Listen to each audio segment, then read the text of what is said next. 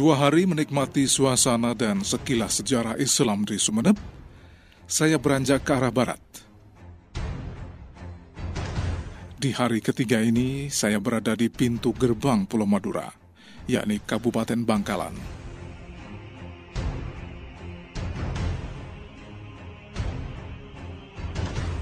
Wilayah ini kaya akan peninggalan sejarah peradaban Islam. Banyak situs penting yang menjadi tetengar bahwa Islam masuk secara damai dan menjunjung tinggi kearifan budaya lokal yang lebih dulu masuk.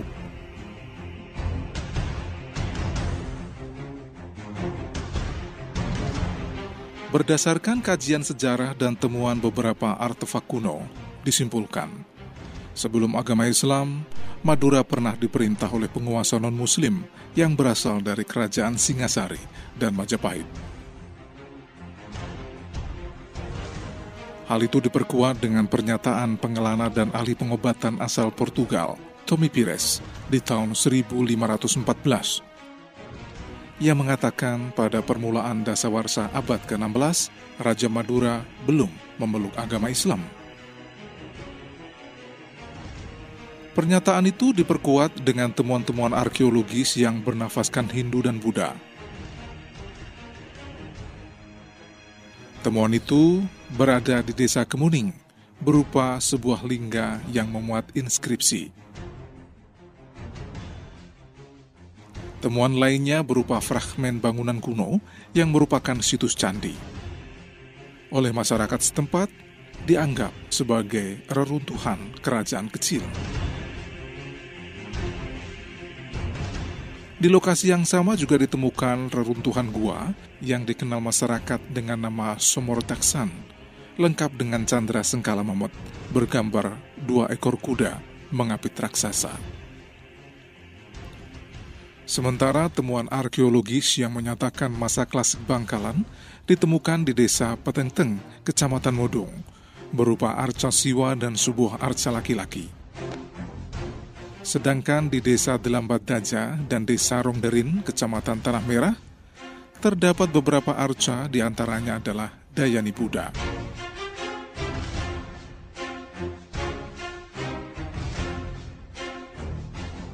Berangkat dari berbagai temuan itu, diperoleh gambaran bahwa antara tahun 1105 Masehi sampai 1379 Masehi, atau setidaknya masa periode Singasari dan Majapahit akhir, terdapat pengaruh Hindu dan Buddha di Madura Barat. Rizky Susanti, sejarawan BP3 Trowulan. 19 umpak terus ditambah dengan fragmen Agastya, Pala, Mahakala di situ pun ada beberapa batu-batu candi besar andesit. Hmm. Dari informasi penduduk di dalam tanah masih belum digali itu ada batu-batu bata besar seperti bata-bata Majapahit. Artinya? Artinya di situ memang pernah dibangun sebuah bangunan candi Hindu karena itu jelas sudah ada. Ya. Sudah ada yoni. Jadi biasanya kalau ada yoni lingga pasti ada keluarga-keluarga jiwa yang ya. lain. Nanti ada relung-relung lain yang isinya keluarga dari Siwa itu yaitu Agastya, Ganesha, Durga Maesa Suramandini dan di depannya itu ada Mahakalan dan Nandiswara. Itu kita sudah menemui beberapa, beberapa dari berarti yang lain itu tinggal kita mencari. Nah itu pasti sudah bangunan suci, yang pasti. Nah bangunan suci di situ saya lihat ada batu andesit. Andesit ada batu bata, batu bata besar, bata khas masa klasik uh, dari Singosari Majapahit Kediri juga memakai batu bata yang sama.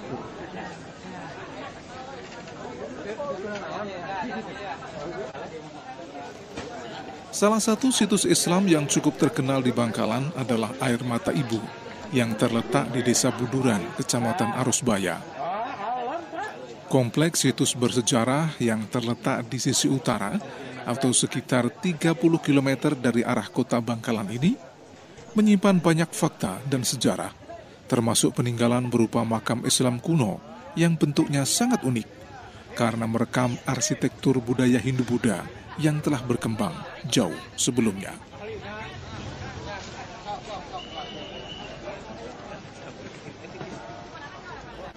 Dalam konteks harafiah, air mata memiliki arti yang tak jauh beda dengan bahasa Indonesia, yakni air mata. Komplek pemakaman kuno ini terhampar di puncak bukit kecil, Sehingga untuk mencapai makam, semua pengunjung lebih dulu harus menaiki puluhan anak tangga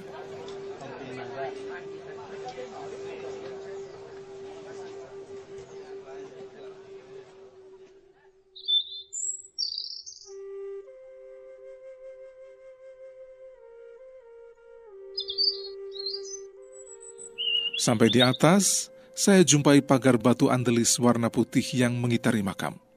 Semuanya tersusun rapi, tanpa menggunakan perekat semen, persis seperti bangunan candi-candi di Jawa pada umumnya.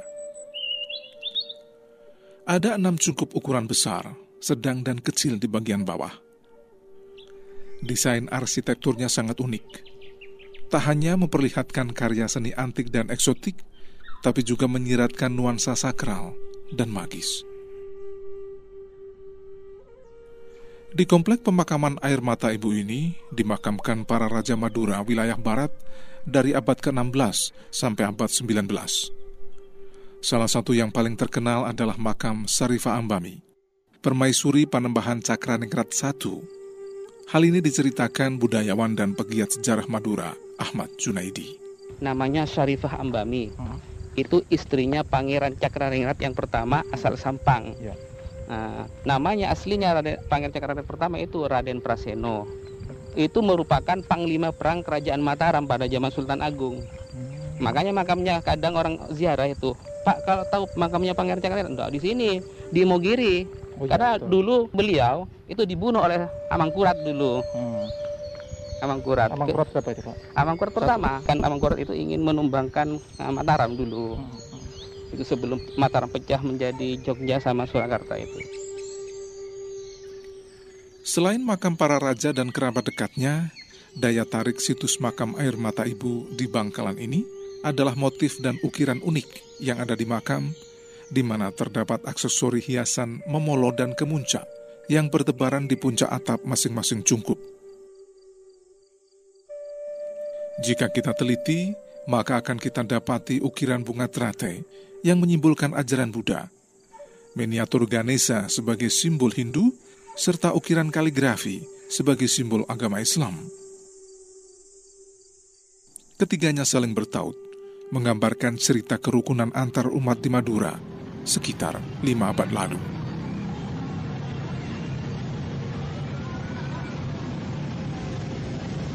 Puas menikmati situs air mata ibu, saya turun ke kota.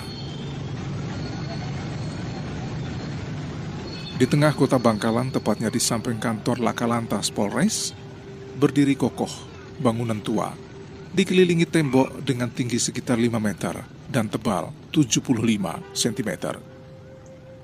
Di dalamnya terdapat gedung seluas 1000 meter persegi.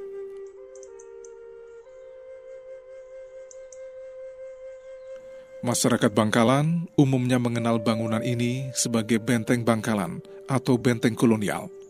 Namun, nama benteng ini adalah Erfrins, sesuai nama Raja Willem III sebelum dilantik menjadi Raja Belanda. Benteng ini dibangun Raja Willem I yang hidup antara tahun 1817 hingga 1848. Sejarawan Balai Pelestarian Peninggalan Purbakala Trowulan, Rizky Susanti, menjelaskan, Benteng Erfrins dibangun penjajah Belanda untuk mengawasi aktivitas penyebaran agama Islam di Bangkalan, yang saat itu dimotori oleh para raja dan para bangsawan. Bangkalan itu ada silsilahnya itu ada masa kerajaan ada, terus mereka berubah menjadi kesultanan kekuatan Kesultanan Bangkalan aja yang sampai membuat Belanda itu mendirikan benteng di tengah kota untuk mengawasi pergerakan mereka. Nah, di Kesultanan itu kan pengaruh Islam itu sudah mulai kuat di Bangkalan itu. Nah, itu sampai Belanda mendirikan sebuah benteng untuk mengawasi pergerakan Kesultanan Bangkalan. Jarang sebuah kota itu ada benteng di tengah kota. Biasanya kan benteng itu di pinggir pantai untuk melihat kekuatan armada laut dan iya. penyerangan dari laut ini di tengah kota lah Bangkalan tuh loh, Bangkalan tuh dulu kan ya walaupun residen, tapi apakah sebesar itu sampai Belanda itu membuat benteng dalam kota. Pemerintah Hindia Belanda memang ketat mengawasi siar agama Islam.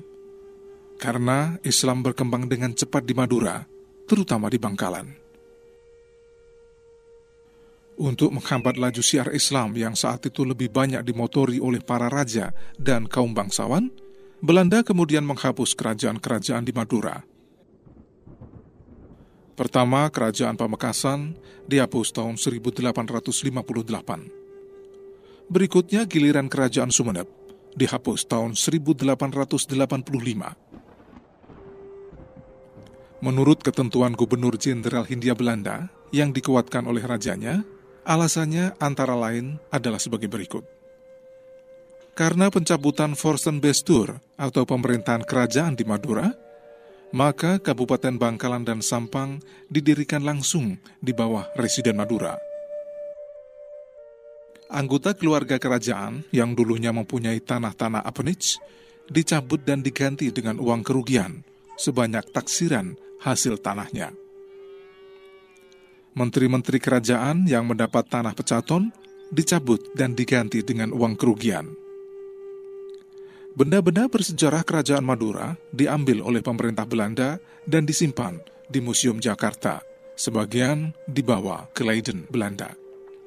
Pasukan kerajaan Madura tetap ada, tapi langsung di bawah pimpinan pemerintah Hindia Belanda.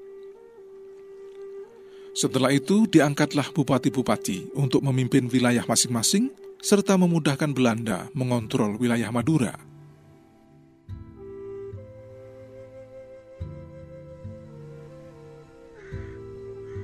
Bupati pertama adalah Pangeran Suryonegoro dengan gelar Pangeran Cokro Diningrat untuk wilayah Bangkalan dan Raden Aryo Kusumo Adiningrat atau Kanjeng Ronggo untuk wilayah Sampang.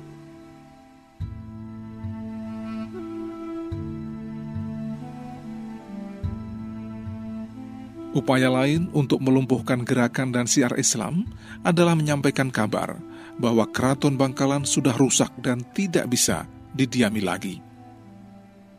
Lalu tahun 1891 dibongkar dan diganti dengan rumah kabupaten. Tindakan pembongkaran keraton itu hanya sebagai siasat politik Belanda agar rakyat tidak mempunyai kenang-kenangan dan kebesaran pemerintahan leluhurnya sebelum dijajah Belanda.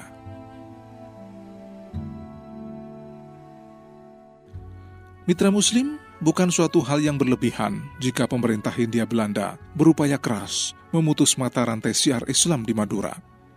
Karena gerakan Islamisasi Madura di masa lalu berjalan sukses, sehingga mayoritas masyarakat Madura memeluk agama Islam.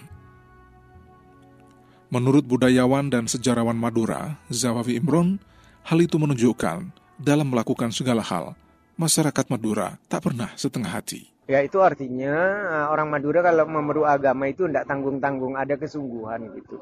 Walaupun dengan kelas dan strata keimanan dan peribadatannya masing-masing. Ya.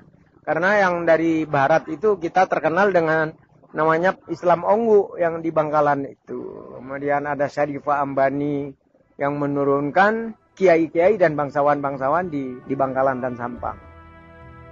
Namun diakui ibarat benang kusut, sejarah proses Islamisasi Madura sampai saat ini belum dan tidak terdokumentasi dengan baik. Mitos dan legenda banyak mewarnai kisah-kisah seputar Islamisasi penduduk Pulau Garam ini. Beberapa kajian akademis yang hadir belakangan terlalu banyak yang mengangkat Madura dari segi budaya ansih sehingga terkesan melupakan peran tokoh-tokoh dan para ulama yang ratusan tahun lalu membawanya.